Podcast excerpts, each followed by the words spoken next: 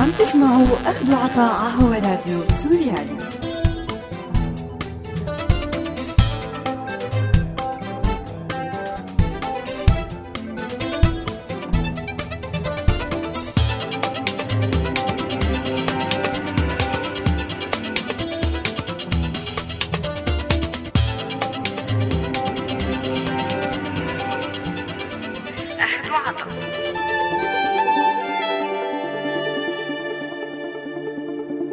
أعزائي المستمعين أهلا وسهلا فيكم. برحب فيكم أنا مايا بحلقة جديدة من برنامج أخذ وعطا. وبذكركم أنه هذا البرنامج بالتعاون مع مبادرة كلنا مواطنون. بالسنوات الماضية ونتيجة أسباب اقتصادية مختلفة من ارتفاع سعر الدولار لنقص الإنتاج لصعوبة النقل والتوزيع ارتفع سعر كتير من المنتجات اللي بتعتبر كمالية لخمس أو ست أضعاف في حين انخفضت القدرة الشرائية للإنسان السوري لدرجة كبيرة وإن كانت بتتفاوت بين شخص وآخر حسب طبيعة الدخل. وهذا الشيء أدى لتخلي الناس عن شراء كثير من المواد الكمالية مثل الثياب والأدوات الكهربائية والمفروشات والسيارات وغيرها. من ناحية تانية نشط بشكل كبير سوق الأشياء المستعملة بسوريا بالفترة الماضية وتوجهت له أعداد كبيرة وجديدة من الناس ما كانت تلجأ له سابقاً. الأسعار اللي عم تنباع فيها المستعملات أسعار مقبولة أرخص بكتير من السلع الجديدة.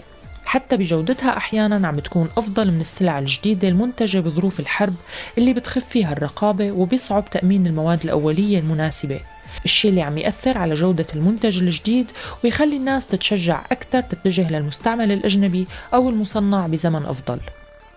شراء الأشياء المستعملة مثل الثياب والمفروشات وغيرها كان عادة شيء ما كتير الناس عنا بيحبوا يحكوا عنه خاصة بمجتمعات المدينة اللي بتميل عادة للمظاهر.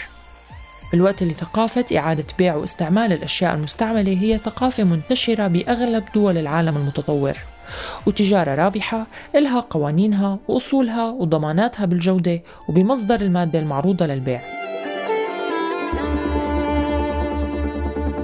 بيع وشراء الأشياء المستعملة إيجابياته ومخاطره موضوع حلقتنا لليوم.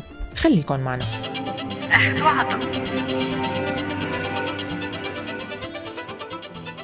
أهلا وسهلا فيكم من جديد وبداية مثل العادة خلونا نبلش مع هذا الاستطلاع.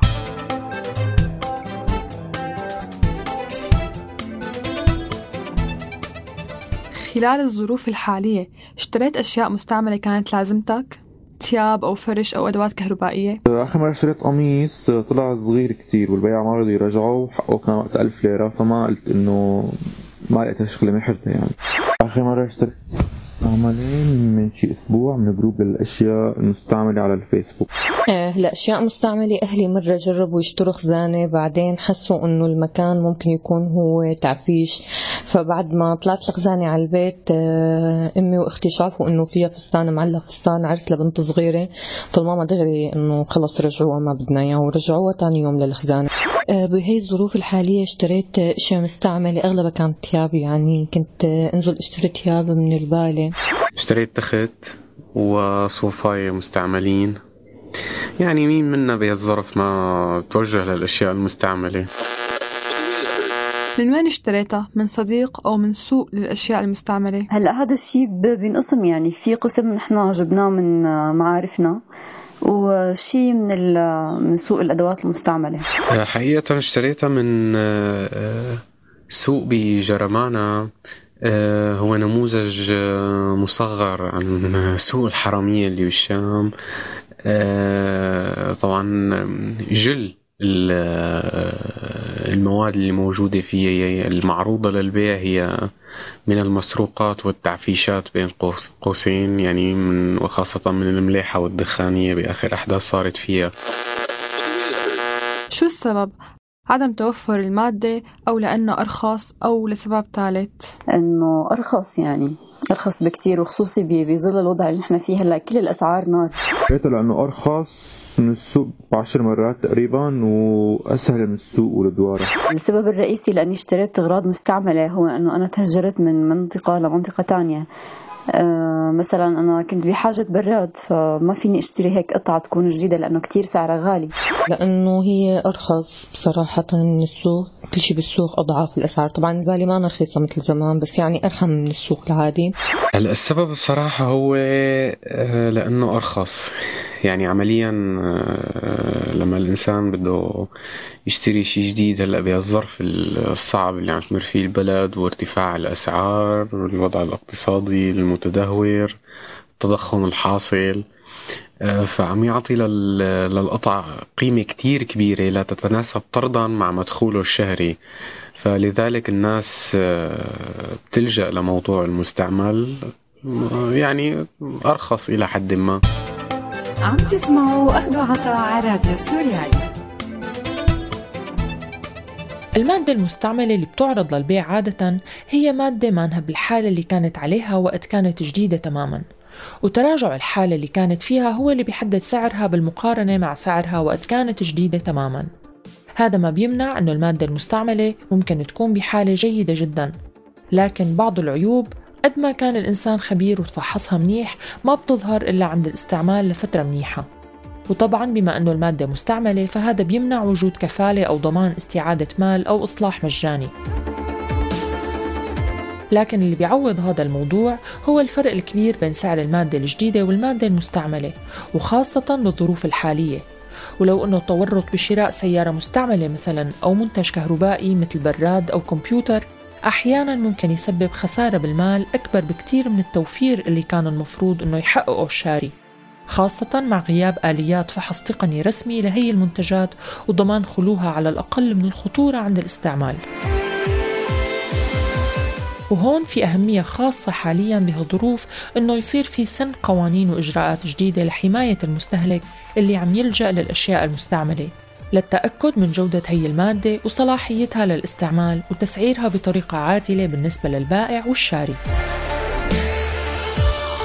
والحقيقة في كتير فوائد لإعادة شراء واستعمال الأشياء المستعملة بأي مكان إذا كانت منظمة ولها قوانينها اللي بتضمن علاقة عادلة بين البائع والشاري.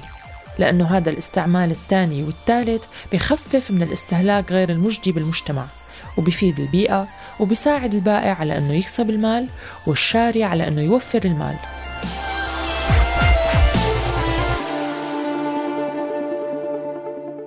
من الظروف اللي بتساعد على توفير المال كمان تطور وسائل التواصل الاجتماعي. فمثلا بمجموعات على الفيسبوك بيعرضوا الناس منتجاتهم اللي بدهم يبيعوها وبيتفقوا مباشرة مع الشاري بدون الحاجة لطرف ثالث مثل التاجر. كما أن التواصل المباشر بخلي الشاري يفهم أكثر عن المادة اللي بده يشتريها من المستعمل اللي قبله مباشرة. بنفس الوقت في بعض المخاطر اللي لابد منها مثل ما حكينا وجود عيوب غير ظاهرة بالمادة المستخدمة أو إذا كانت المواد مسروقة. وبالوقت اللي بتجرم فيه أغلب دول العالم المتطور بيع الأشياء المسروقة وبتجرم الشاري في حال عنده علم بإنها مسروقة وبتنفي ملكيته للمادة حتى لو اشتراها. تظهر عنا مشكلة كتير كبيرة متعلقة بسوق المسروقات اللي تشكل خلال الحرب السورية وطريقة التعامل الرسمي والشعبي معه.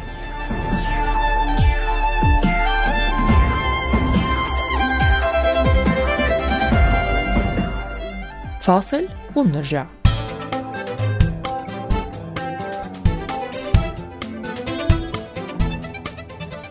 في شي كان بيضمن لك جودة المادة المستعملة؟ اشتريت شي وطلع ما بيصلح للاستعمال؟ اللي ضمن لي جودة هو البياع ورقم تليفونه وعملية التواصل معه أنا في بياعين بيختفوا من أول ما تنباع القطعة وفي بياعين بيرجع بيرجعوا القطعة حسب ذوق البياع إذا كان منيح أو لا. هلا عادة بهيك موضوع أنت لما بتشتري غرض مستعمل ما, ما في ضمانات يعني إنه الواحد هو حظه بس الحمد لله إنه على حظي ما طلع ما طلع في شيء مو صالح للاستخدام لبعدين كله ماشي حاله. أه هلا ما في شيء بيضمن جودة المادة. أحيانا ممكن بالصدفة الواحد يشوف ماركات بالبالي أه وفي منها بيكون أحيانا جديد. هلا جودة ما كثير واحد بده يسأل بصراحة ويدقق لأنه يعني البائع عنده وجهة نظر إنه أنا ببيعك قطعه هيك سعرها حبك خدها ما حبك في ألف واحد بيشتريها غيرك. في حال لجأت للسوق كيف تأكدت إنه الشيء اللي اشتريته ما بضاعة مسروقة؟ شو عملت؟ هلا لحتى اتفادى هي القصة آه، فكرة إنه أنا أشتري غرض مسروق يعني آه، كان في حدا ثقة إنه أنا بعرفه وعن طريقه جبت هاي الاغراض وفي اغراض تانية إنه هي كانت آه، من أصدقاء إنه بدهم يبيعوا أغراضهم يعني سلفا. ف هذا الشيء خفف يعني نوعا ما فكرة إنه الإحساس بالذنب إنك إنك تشتري غرض مسروق وهو يكون لحدا تاني أساسا. آه، ضمان هالشيء إنه مسروق ولا غير مسروق يعني ما ما- ما في يعني ما في إنه الواحد إنه يقدم ضمانات بخصوص هذا الموضوع يعني. سوق مفتوح و هو بالأساس يعني شعبيا بي- بي- بي- بي- بيسموه سوق الحرامية يعني. ف فاكيد ما في شيء مضمون بهالخصوص. عم تسمعوا أخد وعطا على راديو سوريالي. ما في سوري مو سمعان أو زاير سوق الحرمية بمدينته. سوق الحرمية بدمشق مثلا اللي كان لقبل كم سنة محتل مكان واسع بمنطقة المرجة هو متخصص ببيع الأشياء المستعملة المسروقة بعلم الدولة وبعدم تدخل منها. الأشياء المسروقة بهذا السوق بتتراوح بين اللي ما له قيمة للثمين جدا. الكلمة اللي كانت على لسان الباعة لما بيسألون الشاري إذا كانت السلعة اللي عم يبيعوها شغالة ولا لا على بردة بمعنى إنه ما في أي ضمان لأنه هي المادة لساتها شغالة ولا لا. فيك تشتريها وإذا ما كانت منيحة ارميها ببردة أغلب المواد اللي بتنباع بهذا السوق رخيصة بشكل غير منطقي. 500 ليرة سعر مسجلة 5000 سعر براد. طبعا بأي سعر باعك البائع فهو ربحان لأنه مو متكلف شيء.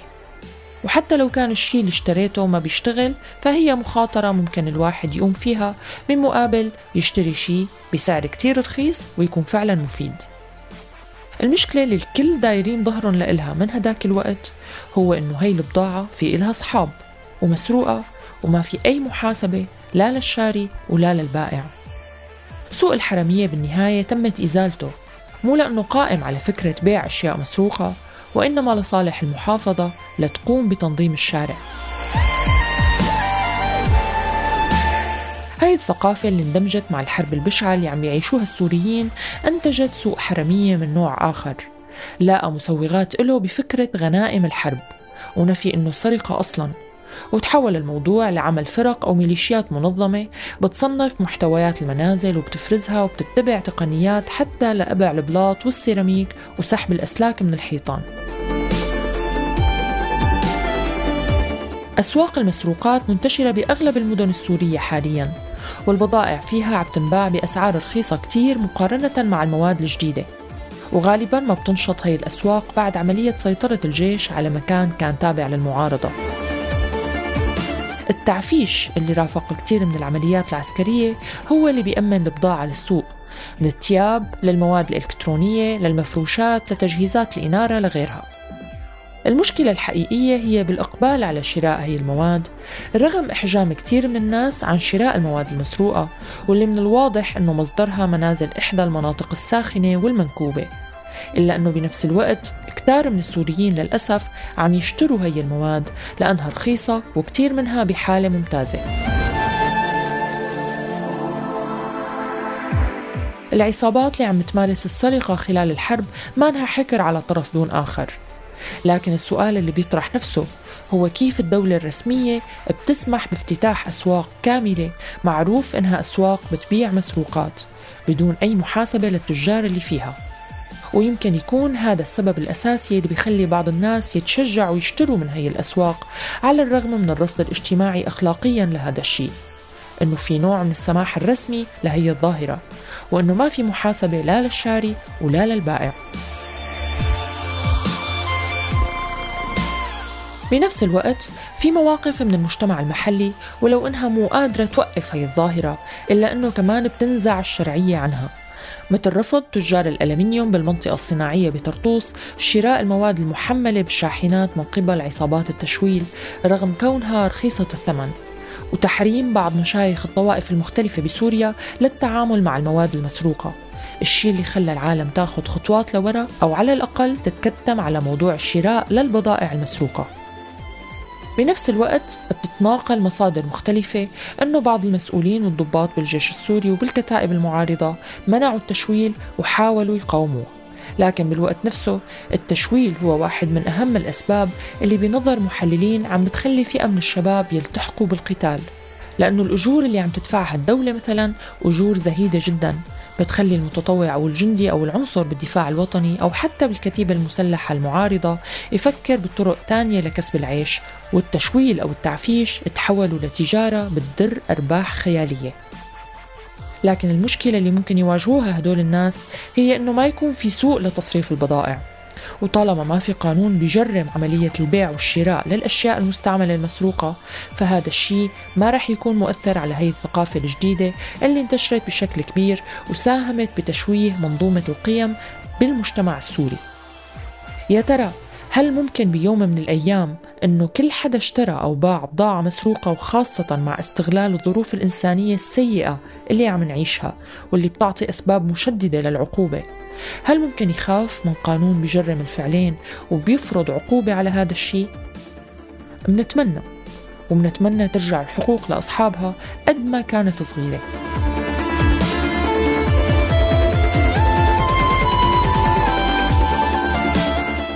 وبنهاية حلقتنا أصدقائي أنا بودعكم على أمل التقي فيكم بحلقة جديدة من أخذ وعطى الأسبوع الجاي لا تنسوا تتابعونا على موقعنا سوريالي dot com وارشيفنا مثل العادة بتلاقوه على الساوند كلاود وولفوا علينا FM من هون للأسبوع القادم كونوا بألف ألف خير. إلى اللقاء.